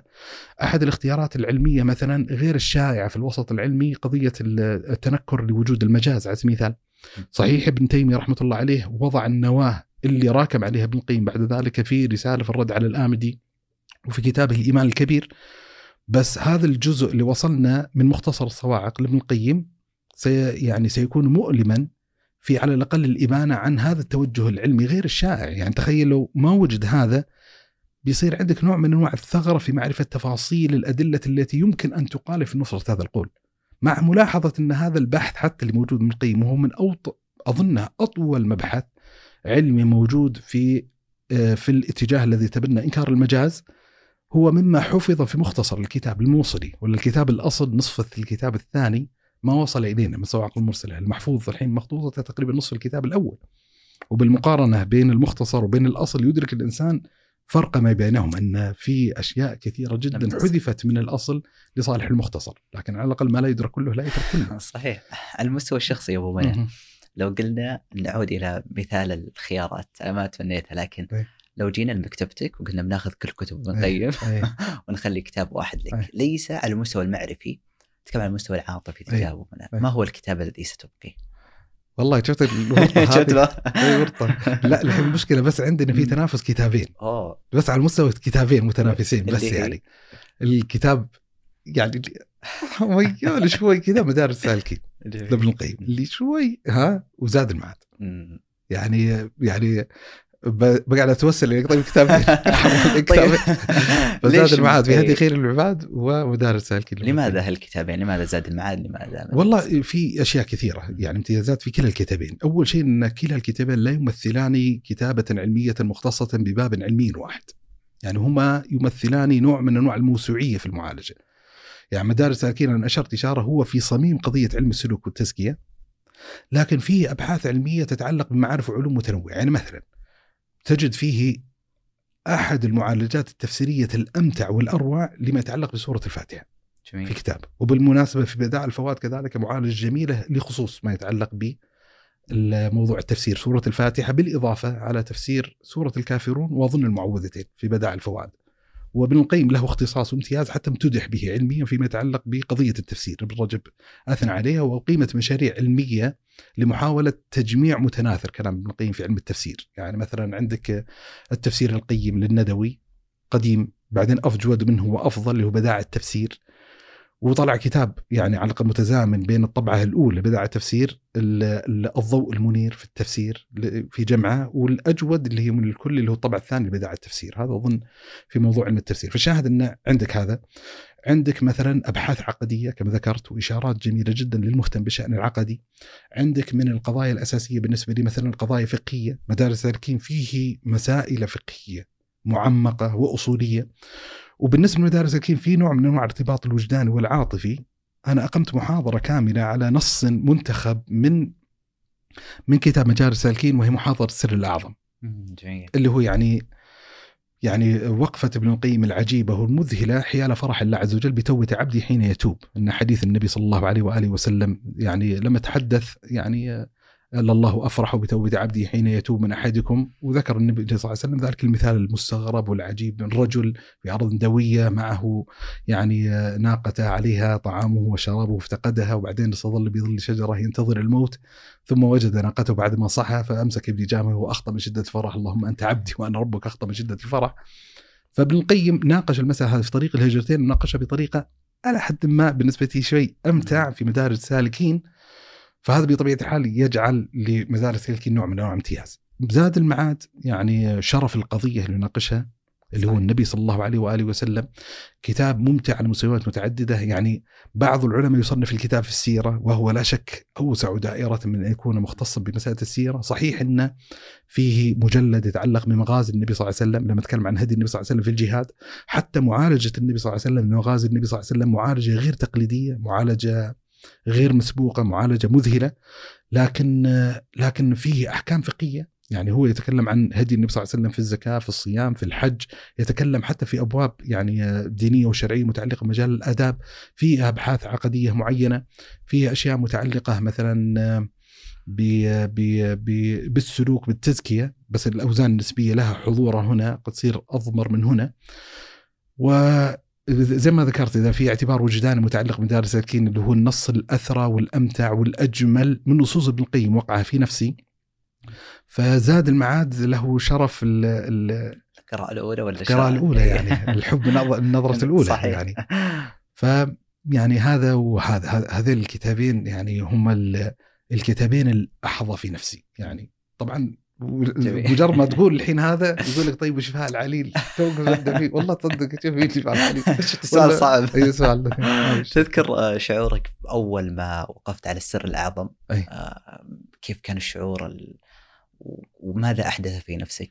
والله يعني أنت لاحظ طبيعة المبحث. يعني لما لما تقرأ حديث النبي صلى الله عليه وآله وسلم هذا المفترض أن المسلم اللي عنده قدر من الحركة الإيمانية أو الوعي إنه يفاجئ ويذهل هذا الحديث، يعني الله سبحانه وتعالى بكماله وعظمته سبحانه وتعالى ما الذي يحوجه سبحانه وتعالى أو ما الذي يحمله أو ما الذي يعني يجعله سبحانه وتعالى يفرح هذا الفرح العظيم، يعني حتى ابن القيم أشار إلى هذا المعنى في طريق الهجرتين إن هذا الفرح يعني هذا الفرح اللي وقع من الرب سبحانه وتعالى فرح عظيم يوازي أشد فرح يمكن أن يتصوره في عالم المخلوقات والوجدانيات يعني النبي صلى الله عليه وسلم جزء من بلاغته النبوية صلى الله عليه وسلم أنه أراد أن يطرح صورة من صور الفرح تمثل ذروة الفرح الإنسان طيب لله أفرح بتوبته. يعني الله عز وجل فرح بتوبة الإنسان أعظم. فيفرض عليك جملة من التساؤلات إن إن هنالك عبوديات عظيمة، يعني أعظم العبوديات الفعلية العملية لعبودية الصلاة، طيب ليش ما تحدث عن قضية الصلاة مثلا بهذه القضية؟ أو مثلا الحج يعتبر هو من التعبدات طويلة الأمد يعني اتصال العبادة. لها خصوصيات وخرج من يعني وإنهم ضيوف الله يعني فيها اعتبارات بالقطع إن الله عز وجل يفرح باحداثه بس لماذا التوبة؟ التوبة فكان طبيعة المعالجة اللي قدمها ابن القيم معالجة مذهلة ومعالجة يعني بنائية يعني بدأ يتدرج بها خطوة خطوة يعني بذكر امتياز النوع الإنساني البشري وكيف يحب الله عز وجل هذا البشر والإنسان وبعدين كيف الله عز وجل نبه إذا الإنسان إلى خطر العدو وهو إبليس وإن ترى يضلك وبعدين كيف انتكس هذا الإنسان وارتكس وجعل من إبليس اللي حذره الله عز وجل منه صديقا مواليا. وكيف ابتعد عن الله عز وجل وإن بسبب هذا الابتعاد منع الله يعني منع يعني الإنسان بتصرفه هذا ما يريده الله عز وجل لهذا الإنسان من الخير والبذل والعطاء ثم إذا عاود بعد ذلك يعني كيف يفرح الله عز وجل بأن يعاود عطاءه ونعمته وخيره على هذا الإنسان وذكر ابن القيم. يعني أنا دائما لما يعني سبحان الله في بعض النصوص إذا قرأها الإنسان بصوت مرتفع والله تستدر من الإنسان العبرة. أنا يعني أنت تبني النص يبني يبني يبني فلما يوصل إلى نهاية المشوار يتكلم الحين ابن القيم فيقول لك إن مثل يعني الصورة يعني في في النهاية كمثل أحد الزهاد العباد المتصوفة كان ماضي في الطريق فوجد اما وطفلا له، طفل خرج من بيت مسرعا ولحقته الأم مسرعة ثم ابتعد الطفل ورجعت الأم أدراجه إلى البيت وأغلقت الباب فرجع الطفل قاعد يدور يدور بعدين رجع إلى عتبة الباب ووضع يعني خده على عتبة الباب ونام. ففتحت الأم الباب ووجدت طفلها بهذه الصورة والهيئة قد عاد إليها فأخذته وقبلته وعانقته وقالت له يا ولدي يا حبيبي أما علمت أن أنه ليس لك أحد من بعدي كذا فبعدين ابن القيم مشهد يعني مزلزل. حتى أذكر يعني كان ردة فعلي الأولية لما قرأت النص هذا إيش تتوقع؟ اللي هو معاوده قراءته مرة ثانية. ومعاوده قراءته ثالثة. يعني تدري زي اللي سقط الإنسان على نص مطرب عجيب. أقرأ وأرجع أقرأ. وأذكر بمجرد قراءتي له كان عندي درس مع مجموعة من الشباب في شرح شرح آه، ناسي والله لمعة الاعتقاد أو شرح عقيدة الطحاوي في أحد المساجد. ف افتعلت قضية في الدرس من أجل أني أعلق على هذا النص لابن القيم. هذا قديما. وأذكر يعني كنا وقتها يعني بواكير ال- ال- الكمبيوترات يعني وانتشار الطابعات. كان طابعات غالية تعتبر نسبيا وكذا. فأذكر إني قعدت أسوي برواز في الوورد وأحط النص وتخيل كان وقتها ما فيه يعني ما في الموسوعة الشاملة.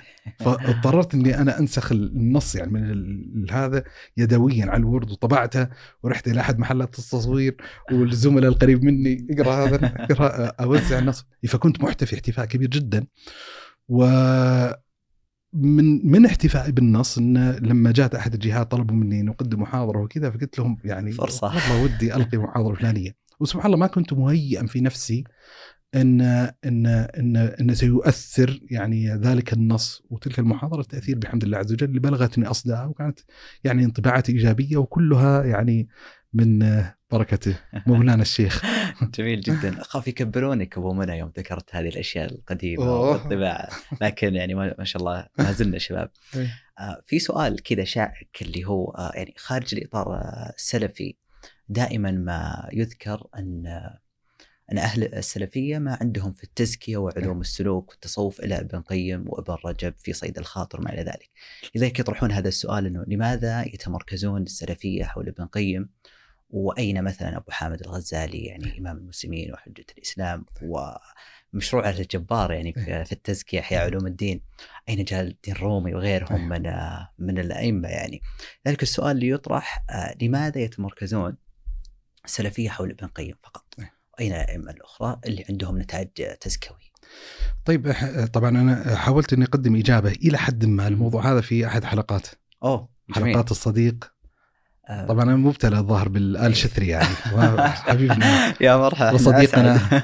عزام. الشثري في البودكاست. نقطة عرضنا لحلقة كان عنوانها عشان نحطها بس في الوصف إيوه عنوان. عنوان الحلقة. تدري إحنا طب الأرواح. لأن إيه، صح أنا ذكرت ان إن حصل جدل يعني في أحد المناسبات أظن تسربت إيه. الخبر هذا أنا كان شوف محبه وتعلق ابن القيم كنت مقترح إن عنوان الحلقة زاد المهاجر لربه إيه. فمع الأخذ كان ما أدري هل هو عزام أم الصديق نعم. عمار أم إيه. احد الأصدقاء إنه قالوا لا هذا عنوان تراثي تقليدي إيه. وزي كذا واستقر الرأي في الأخير يعني بعد سعي للمرجحات إلى. طب الأرواح فطب الأرواح شرحت بعض الملابسات يعني أنا بالنسبة لي من المسائل اللي أثرتها في الحلقة الأكثر استغرابا أنت ما تقول إن في نوع من أنواع التمحور حول مشروع. ابن القيم اللي يعتقده بالعكس إن عندنا مشكلة داخل يعني جيوب في الإطار السلفي أو في جزء من الحالة السلفية عنده حتى تحفظ على مشروع ابن القيم مدارس السالكين. يعني أحد مثلا يعني خذ عدة نماذج. مثلا الشيخ محمد حامد الفقي اللي حقق كتاب مدارس السالكين أظن صرح في أحد المقامات والمناسبات أو في تقدمته الكتاب أو في حاشيات الكتاب إنه يا ليت ابن القيم لم يؤلف الكتاب. يعني في في آه. شعور سلبي حيال المنتج اللي قدم ابن القيم حتى في مدارس السالكين عجيب آه، أحد المشايخ المعروفين في اليوتيوب لو دخل يعني ما أريد الإشارة لكن له أشبه العتب على ابن القيم وإن تنصح هل تنصح بقراءة مدارس السالكين؟ فقال لا أنصح بقراءة مدارس السالكين. في شعور إن ابن القيم يعني كان ملوثا قبل لقياه بشيخ الإسلام ابن تيمية بلوثة صوفية وانه بقيت عليه هذه اللو- اللوثة وظهرت جزء من أمارات هذه اللوثة في كتابه مدارس السالكين. أنا أذكر أحد المشاريع اللي دارت حول كتاب مدارس السالكين على المستوى الشخصي عنوان مقالة أو بحث بحث ورقة يمكن ما أدري 70 80 صفحة تقريبا كان عنوانها وما أنشرتها وما لست عازما عن نشرها لكن هي أحد جوانب كذلك الجاذبية في شخصية ابن القيم اللي هو كان عنوانه من- منهج أهل السنة والجماعة في إنصاف الحق والخلق. منهج أهل السنة والجماعة في إنصاف الحق والخلق. لأن. أحد تجليات العظمة الموجودة ابن القيم في مدارس السالكين إن كيف أدار ملف النقد لشيخ الإسلام أبو إسماعيل الهروي. يعني تجي مواضع معينة موافقات وفي مواضع يختلف. وأحيانا يعني يرفق ابن القيم في الاعتراض وأحيانا يحسن الظن ويحمل العبارة على وجه معين وأحيانا يشتد ابن القيم ويغضب. وأحيانا يعني يعني يقول لك إن إن شيخ الإسلام يقصد إسماعيل الهروي حبيب إلينا والحق أحب إلينا منه. يعني فشاهد إني حاولت اتلقط مثل هذه النقدات وأضمها في سياق. كتابة معينة وأقدم تعليلا لماذا ترفق هنا لماذا أحسن الظن هنا لماذا تأول هنا لماذا اشتد هنا وغضب يعني. فخرج بتوليف معينة. الغريب أن عرضت هذا البحث على مجموعة أو عدد من الأشياخ فعتبوا علي يعني حتى وضع عنوان الكتابة اللي هو منهج أهل السنة. ابن القيم في هذا الكتاب لا يمثل مم. رؤية أهل السنة فيما يتعلق بمثل هذه المقاربة. فبالعكس يعني هنالك إشكالية وأنا وشعوري وانطباعي أن في بعض الدوائر يعني مش بالضرورة المحلية في بعض الدوائر السلفية هنالك نوع من أنواع الاصطراع والخصومة المبررة بين قوسين ما ألغي التبرير يعني هنالك انحرافات وإشكاليات حقيقة موجود داخل إطار الصوفي لكن أحيانا لما يصير الإنسان في في قالب الصراع لا يتنبه يعني أو لا يكون موقفه أكثر حكمة أو عقلانية وانه يتخذ المسار الأكثر اعتدالا. في خضم وحمأة الصراع مع الطرف المقابل بحيث يعني يصعب عليه إنه يتجاوز مثلا الطبيعة النفسية الإنسانية البشرية ويعترف للطرف المقابل إن ترى هذه المساحة من المساحات الموجودة عنده هي من قبيل الحق الذي ينبغي إنه ينتزع منه على الأقل أو يفك الاحتكار الموجود عن هذا الإطار. وتدربت هذه الحالة إلى الحالة العامة وصار الوعي السلفي بالذات المعاصر موقفه يعني أشد حدة وتطرفا من الإطار الصوفي من الشيخ الطائفة والمذهب ابن تيمية. يعني ابن تيمية مثلا ما يقارب الحالة الصوفية يفككها ما ما ما يحكم على الصوفية حكما واحدا يقول لك إن الصوفية على أنواع وأنحاء في صوفية أهل الحديث والأثر وفي صوفية المتكلمين كذا كذا وفي صوفية الفلسفة أهل الوحدة وكذا. يعني إن في صوفية شديدة الانحراف في وعي ابن تيمية وهو اللي عايش هذه الأجواء اللي تعتقد إن الخالق والمخلوق شيء واحد وحدة وجود أو إن الخالق حال في المخلوق. وفي صوفية دخلت عليهم شطحات وبدع وكلاميات معينة ورسوم وإشكاليات معينة فله نقداته وفي صوفية يرى نفسه ابن تيمية وابن القيم متوافقين مع كثير من الطروحات المقدمة منهم خصوص الطبقة المتقدمة كشيخ الطائفه الجنيد على سبيل المثال وغيرها. فهذا موقف، خذ مثال آخر. لما ذكرت موضوع أبو حامد الغزالي مثلا الاحياء علوم الدين. موقف ابن تيمية لما أراد يقيم كتابه منتج ابن أبو حامد قال يعني مادته جيدة أثنى على مادة الكتاب أو ناس العبارة غالب مادته جيدة وهذا. وفيه شطح وبدع وحديث موضوع. يعني شاهد انه في مقاربة تفكيكية للكتاب إن في مادة جيدة علمية موجودة في الكتاب ينتفع منها وفيه إشكاليات معينة يحتاج الإنسان أن يكون واعيا بها. لما يقرأ الإنسان كتاب إحياء علوم الدين لابو حامد الغزالي ويقرأ مدارج سالك ابن القيم اللي سيكتشف أن أحد الموارد الأساسية اللي أسس عليها ابن القيم مشروع المدارج كان كتاب إحياء علوم الدين.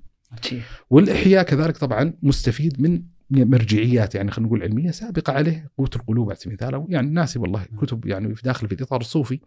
الإنسان إذا كان عنده قدر من المكنة العلمية أنا أشجعه وأحفزه. إذا كان الإنسان يستطيع أن يدرك مواطن الإشكال الموجودة في كتاب أبو حامد الغزالي فما سينتفع من قراءته لهذا الكتاب سيكون كثيرا وكبيرا جدا. يعني أبو حامد الغزالي يعني يستحق يعني إذا قيمت أنا على المستوى الشخصي إذا قيمت تاريخ العلمي للأمة المسلمة بالذات فيما يتعلق بالعلوم الشرعية فأحد أهم اللحظات المفصلية الموجودة في التاريخ العلمي الإسلامي لحظة أبو حامد الغزالي، يعني العلوم الشرعية الإسلامية قبل لحظة أبو حامد شيء بعدين جاء أبو حامد وغير المشهد العلمي في كثير من الملفات والقضايا سلبا أو ايجابا. يعني علم المنطق كان محل ذم في الدوائر الأشعرية والإعتزالية، يعني علماء الكلام اترك الحين الموقف السلف. علماء الكلام كان عندهم موقف سلبي من علم المنطق. ثم بدأ يلين هذا الموقف السلبي من علم المنطق ويسبق عليه شيء من المداح ابن حزم وابن حزم لم يرج مشروعه المنطقي داخل الدوائر العلمية لما جاء أبو حامد الغزالي وجعل علم المنطقي يعني خلينا نقول أحد الاشتراطات الأساسية لتأسيس الحالة العلمية للإنسان وأن من لا يعني من لا يعرف المنطق لا ثقة بعلومه وجعل المقدمة المنطقية مقدمة العلم وصول الفقه خلاص غير المشهد العلمي فيما يتعلق بهذا الباب وعليه فقس في مختلف المجالات المعرفية شخصية أبو حامد شخصية استثنائية بكل المقاييس. اللحظة المفصلية على المستوى الشخصي والمستوى السلفي الثاني لحظة الإمام ابن تيمية رحمة الله عليه. ف يعني ليس إنصافا للرجل أن أبو حامد يعني أنه يختصر في منطقة السلبيات القائمة الموجودة عنده. أنا لا أستطيع أن أقدم توصية عامة للكل أن يقرأوا الكتاب خصوصا في ظل يعني الإشكاليات العظيمة الموجودة. لكن أدعي قضيتين. إذا كان كان عند الإنسان مكنه علميه فلا أقل من أن يقرأ مهذبات الكتاب وهي مهذبات متعددة مهذبات مبكرة شعرت بالمأزق وشعرت بالفائدة. جاك ابن الجوزي عنده منهاج القاصدين ابن قدامة غير ابن قدامة الفقيه عنده مختصر منهاج القاصدين موعظة المؤمنين للشيخ جمال الدين القاسمي على سبيل المثال. وإذا كان الإنسان عنده مكنه علميه فلا يستغني عن قراءة قراءة الأصل مثلا لأبي حامد. ويتفاوتون يعني يعني مثلا جلال الدين الرومي لا أكثر شطحا وأكثر بعدا وأكثر إشكالية لكن لكن وكتاب مدارس السالكين أكثر نقاوة وأكثر علمية وينبغي أن يكون حاضرا. يعني أنا الرسالة الأساسية وأستفيد من منبركم هذا الرسالة الأساسية اللي كنت أريد أن أمررها من خلال حلقة البودكاست طب الأرواح انه ينبغي ألا يكون علم السلوك والتزكية علما على هامش الدرس العلمي. السلفي يحتاج أن أن يكون حالة صميمية وأن كثير من الإشكاليات في مجالات التعبد ومجالات التذلل ومجالات الآداب وعلاقاتنا فيما بيننا عائدة إلى ضمور حضور علم السلوك داخل الدوائر العلمية وأن أحد الكتابات التأسيسية واللي ينبغي يكون هنالك مجال واسع من الدوران حولها ومطالعتها وقراءتها ومن أمنيات العمر ما أوفيك من أمنيات العمر القائمه الموجودة عندي حقيقة إني كما قدمت دروسا مدخل لكتاب الصواعق المرسلة إني أتمنى أن أقدم مقاصد مدارس السالكين، إني أقدم عدد من الدروس العلمية في محاولة تقريب وتذليل كثير من المعارف والعلوم والرسوم اللي حاول أن يمهد لها ويمررها ابن القيم في مدارس السالكين من خلال يعني عدد من الدروس العلمية. وأسأل الله عز وجل أن يوفق لها. هذا. أقول أنك نجحت يعني مبدئيا ما كان مع ما كان مباشر أذكر بعد ما سمعت محاضرة السر الأعظم مباشرة قرأت يعني مدارج السالكين فهذه يعني من الأشياء اللي غير مباشرة. آه جميل جدا. على ذكر آه كذلك ابن قيم والأمنيات أذكر كان عندك مشروع ورقات آه جمعت فيها أشهر مقولات آه ابن قيم رحمه الله. فما أدري وش صار على هذه الورقات. هل هي نشرت؟ هل هي موجودة؟ وش قصتها؟ والله هي جات يعني هو جاء المشروع متاخرا، أنا ذكرت في أحد المناسبات اللي حصل إن أحد الأمنيات العمر هذا من قوسين. هذا لا أحد يدري عنه يعني. بس ذكروا عنه العالم في حلقة طب الأرواح. إن إن هو جزء من ردة الفعل السلبية حيال الإطار الصوفي اجمالا انه صار مثل أبو حامد الغزالي كل وعي تشكل انه هو صاحب إماتة علوم الدين يعني الكتاب الذي أحرق وأتلف والكتاب المليء بالاحاديث الموضوعه وإن الرجل مسجل بضاعة وانه صاحب شطح وصاحب بدع وصاحب مصائب وصاحب إشكاليات وبالتالي صار نوع من أنواع التهيب إن الإنسان يدخل لهذا الفضاء والعالم. وتأخر دخول الإنسان لهذا الفضاء والعالم متأخرا جدا في حياة الإنسان العلمية بحيث أيوه اعاد اكتشاف والحمد لله عز وجل يعني ميزة لما يصير الإنسان تطورت كفاءته العلمية يصير يقدر يقارب هذه الشخصية ويعرف مواضع الإيجاب والحسن الموجودة فيها وينقح المسألة بطريقة جيدة. فأحد الكتابات نفس الشيء المبشع في ذهنية الإنسان خصوصا في ظل المبالغات والغلو المصبغة داخل إطار الصوفي على هذه الكتابه اللي هو كتاب الحكم العطائية لابن عطاء الله السكندري. الكتابة هذه لما تسمع مثلا إطار الصوفي يقول لو رفع الله عز وجل القرآن لاستغنى الناس بالحكم العطائية لو كان شيء يقرأ به في الصلاة لكان من غير كلام الله كان بالحكم العطائية. تسمع مبالغات؟ فتشعر أن هناك إشكال. ثم قدر الله عز وجل علي في أحد مجالس القراءة ويعني يعني في عدد من مجموعات ونواه القراءة المنخرط الإنسان في سلكها فأحد المجموعات اقترح أحد شروح الحكم العطاء الظاهر الشرنوبي فلما قرأت الكتاب صراحة امتعني الكتاب إيه. حسيت والله كتاب جميل صراحة. كتاب جميل. صحيح إن الكتاب فيه إشكاليات. وبنت عن بعضها في طب الأرواح إن يعني إن في مواد في مواد فاسدة من قضية الجبر الصوفي أو قضيه الإشكاليات المتعلقة بالفناء وحتى ايهامات الوحدة وحدة الوجود. لكن لو استبعدت العبارات المتعلقة بهذا الإطار سيبقى عندك جزء من المادة الصالحة التي هي تستطيع أن تقيم عليها. وهذا زي ما قلت لك أحد الأمنيات إني أشرح الحكم العطائيه ف مدرك إن هنالك نوع من أنواع الحساسية فيما يتعلق في المسألة هذه، متفهم بواعث هذه الحساسية، لكن أعرف أن لن يكون هنالك حساسية كبيرة انه يسرب الإنسان كثيرا من المضامين المتعلقة بهذا المجال من خلال ابن تيمية أو ابن القيم. فجاءت فكرة أن مثلا مشروع الحكم التيمية أو حكم ابن القيم. طبعا ابن تيمية آه، له عبارات ممتعة ولذيذة وجميلة جدا مبعثرة وكذا، ابن القيم الميزة الموجودة فيه انه إنه خدمك. يعني الفوائد ابن القيم هو من الكتابات المبكرة حتى اللي سبقت لحظة قراءة مشروع. أنا ذكرت مثلا كتاب الداء والدواء فمن الكتب اللي مبكرة قرأتها وطبيعي يعني كان ينصح الإنسان وكذا يعني من المشاريع السهلة الخفيفة من كتابات ابن القيم كتاب الفوائد. عندك بدائع الفوائد. فميزة ابن القيم إنه يعني يذكر لك يعني عبارات يستطيع الإنسان انه يعيد تصنيفها وفرزها في قوالب معينة بحيث أن يؤسس على عليها مثل هذه القضية بالإضافة إلى ضرورة يستوعب الإنسان قراءة المنتج. منتج ابن القيم ومحاولة استلال بعض العبارات الأخرى، يعني مثلا في بداع الفوائد مثلا العبارات الجميلة يقول إذا كان يأجوج النفس ومأجوج الهوى قد عاثوا في أرض القلوب فأفسدوا فيها فعينوا الملك بقوة يجعل بينكم وبينهم ردمة، زين يعني آتوه يذكر يعني التقاطات طريفة وله عبارات كثيرة. مثلا العبارات يحتاج تلتقطها التقاطا، مثلا في مدارس السالكين تحدث عن علاقة العبودية بالحرية فقال فيا لها من عبودية أوجبت حرية ويا لها من حرية كملت عبودية. مثلا كان بصدد الحديث عن قضية التوحيد فقال التوحيد أن تكون واحدا لواحد في طريق واحد. فشاد أن هذه عبارة حقيقة مكثفة ومركزة يستطيع الإنسان في ظل هذه العبارة أن يقيم درسا. أن إيش إيش مقصود ابن القيم لما يتحدث عن علاقة التوحيد بفكرة الوحدانية في حياة الإنسان وأنه يكون واحدا لواحد في طريق واحد إيش معنى اللام الموجودة؟ إيش معنى في طريق واحد؟ وكيف يستطيع الانسان أن يحقق هذا النمط من نمط التوحيد؟ فالمشروع يحتاج له جهد في استيعاب يعني يحتاج لها قراءة يعني قراءة المنتج ابن القيم مرة أخرى وأنا بصددها. عندي توني بسأل يعني عندي جوجل Drive folder معين زين الحكم التيمية وحكم ابن القيم وملف Word ويعني جالس يحاول يرتب الإنسان فيه ما يستطيع أنه يتتبعه ويجمعه من المقولات في هذا الإطار. هل لنا يعني بعض المقولات اللي ما زلت تأثير لها؟ وكونها أتوقع كثيرة يعني والله يعني تستحضرها. يعني أنا أذكر سبحان الله تدري أحيانا أذكر فترة من فترات في البايو في تويتر على سبيل المثال وقديما في المنتديات تدري المنتدى كانت تستطيع أن تذيل أي موضوع عندك بعبارة أو اقتباس فكان الاقتباس دائما الآسر والحاضر اللي هو التوحيد وأن تكون واحدا لواحد في طريق واحد. يعني هو الإطار الاشبه الإطار التعريفي المتعلق بك. فهذه يعني يعني عبارة جميلة وعبارته يعني متعددة وكثيرة جدا. لكن لعل الذاكرة تسعدنا مستقبلا. على ذكر ابن قيم ابن تيمية أبو حامد الغزالي وغيرهم من أهل العلم سابقا دائما يذكر الحداثيين مسألة أن المسلمين متمركزين حول التراث. يعني حتى في مسألة من يريد أن يكتب في مجال أدبي مثلا أو في مجال شرعي إنه لابد قبل الكتاب أن تقرأ البيان والتبيين مثلا الجاحظ وغيرها من الأشياء. هل يجب أن نعطي التراث الإسلامي والأدبي بنفس الوقت تلك المركزية؟ آه، حتى نبدأ منها نقول إن نبدأ منها وننتهي بغيرها أو لا تأتيك في ظل السياقات اللي تمر في حياتك؟ والله طبعا أنا أنا أنا متحيز بالفطرة إلى إلى الكتابه التراثية، بل أنا حتى عندي مأزق مع كثير من الطروحات القائمة الموجودة اليوم.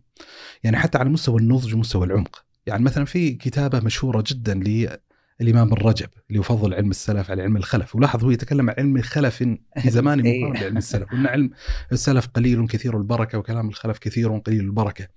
وأجد هذا حاضر على كل المستويات. يعني بعطي مثال. أحد الكتب الجميلة جدا التي ينبغي أن يطالعها ويهتم بها أي ناقد من نقاد الحداثة المعاصرة. اللي هو متعلقة بقضية إعادة قراءة النص ونظريات موت المؤلف وال يعني المتعلقة بالقراءة الحدثيه للنصوص بشكل عام أحد الكتابات التراثية الأساسية في هذا المضمار لابن القيم الصواعق المرسلة. يعني لما تكلم ابن القيم عن قضية الأداة التأويلية والإشكاليات المتعلقة بالأداة التأويلية، لاحظ منطقة الإشكال الموجودة عندي المقارنة على مستويين. المستوى الأول أن الشبهات اللي كانت مطروحة من قبل المتأولين اللي قاعد يصطرع معهم القيم هي أكثر نضجا وعمقا من الإشكاليات اللي ولدها مفكر الحداثة العرب المعاصر لاحظ على مستوى الخصم تبي تعمق معرفتك بشكل أجود اعرف الشبهات الحقيقية اللي ممكن يتكى عليها أكثر من الشبهات العصرية القائمة. وتبي تعرف كيفية الإدارة الملف هذا وإدارة المعركة المتعلقة بهذا الباب. اقرأ ما كتبه علماء التراث فيما يتعلق بهذا الإطار، هذا كنموذج على سبيل المثال. لما تتكلم عن الأدوات المستعملة في فهم النصوص، أعظم منتج أنا أزعم إنساني بشري متعلق بهذا الإطار اللي هو ما سطره علماء أصول الفقه على سبيل المثال. ترى حجم المنتج وحجم نضج المنتج وعبقرية المنتج مقارنة به الكتابات المعاصرة المتعلقة بهذا الباب ترى فرق كبير جدا. لما تتكلم عن علوم الرواية وعلوم الحديث النبوي لا يوجد إنسان بشري إنساني قدم في ضبط الأخبار وما يتعلق بالأخبار كالمنهجية اللي وضعها علماء الحديث على سبيل المثال. وبالتالي يعني بعيدا عن العبارات الشاعرية المتعلقة بقضية التاريخ وأن الإنسان الأمة التي ليس لها تاريخ يعني لا أنا أتكلم بموضوعية علمية. لمن استغرق بدراسة تلك التبويبات أن يدرك أن أنت أكثر نضجا بمطالعة ذلك الجدل وذلك السجال من مطالعة كثير من الجدليات المعاصرة. نعم يعني في مأزق إشكالي قد يتشكل عند بعض طلبة العلم أنه لا يستوعب طبيعة القالب المعاصر وطبيعة اللغة المستعملة في هذه الصراعات الفكرية. فإذا أتقنها وأحسنها فيستطيع أن يوظف تلك الخلفية الشرعية المستقاة من وحي التراث الدخول بقوة داخل مثل هذه الفضاءات والدخول بقوة داخل هذا الاصطراع القائم الموجود. فالشاهد إنه موجود. ولذا يعني حتى في ظل الاصطراع الكلامي مثلا بين أهل السنة وبين الأشاعرة أنا أقول يعني في أحد المناسبات في شرح التدمرية قلت إن الحالة السلفية المعاصرة لم تبلغ يعني خلينا نقول درجة ابن تيمية وعمقه في مجادلة الرازي. على سبيل المثال والاشاعره المعاصرين لم يبلغوا يعني خلينا نقول في العمق والدراية والدراسة لما يتعلق بالمنتج الأشعري كدراية الرازي على سبيل المثال فنحن ضعفاء والطرف المقابل ضعيف فأظن لا أن بوجهه نظري أن من الضروري أن يشتبك الإنسان اشتباكا ممتازا ومميزا داخل إطار إطار التراث. جميل جدا. الحديث معك أبو منى لا يمل مع أن هذه الكلمة مستهلكة إلا أني أعنيها يعني إن لا يمل ولا أتمنى أن نصمت. ودائما يقولون كذا عبارات لطيفة دراميا ولكل بداية نهاية والسوالف هذه لكن إحنا في هذا الموسم يعني نؤمن أو نعتقد أن كل حلقة ليست نهاية بل هي بوابة للتعرف على ابن القيم وكذلك على شخصكم الكريم. عيد شكر لك. بس نبغى حلقة عن ابن تيمية. مش أنا يعني. ما في أفضل منك يتكلم عن ابن تيمية لكن بإذن الله ومن الخطة يعني كثير يعني. عن حتى أبو حامد هذا تسريب يعني خاص للمستمعين. تسريب أنا سربت الحين حالة من حالات العصبية والغلو في قصة ابن تيمية. أيوة لا لا خلاص. أبو حامد عندنا بإذن الله لكن ننتظر موافقة الشخص الكريم الذي سيتحدث عنه بإذن الله. آه، شكرا لك أبو منى. الله يكرمك ويسلمك وياك وشكرا للمستمعين والمشاهدين وفي أمان الله.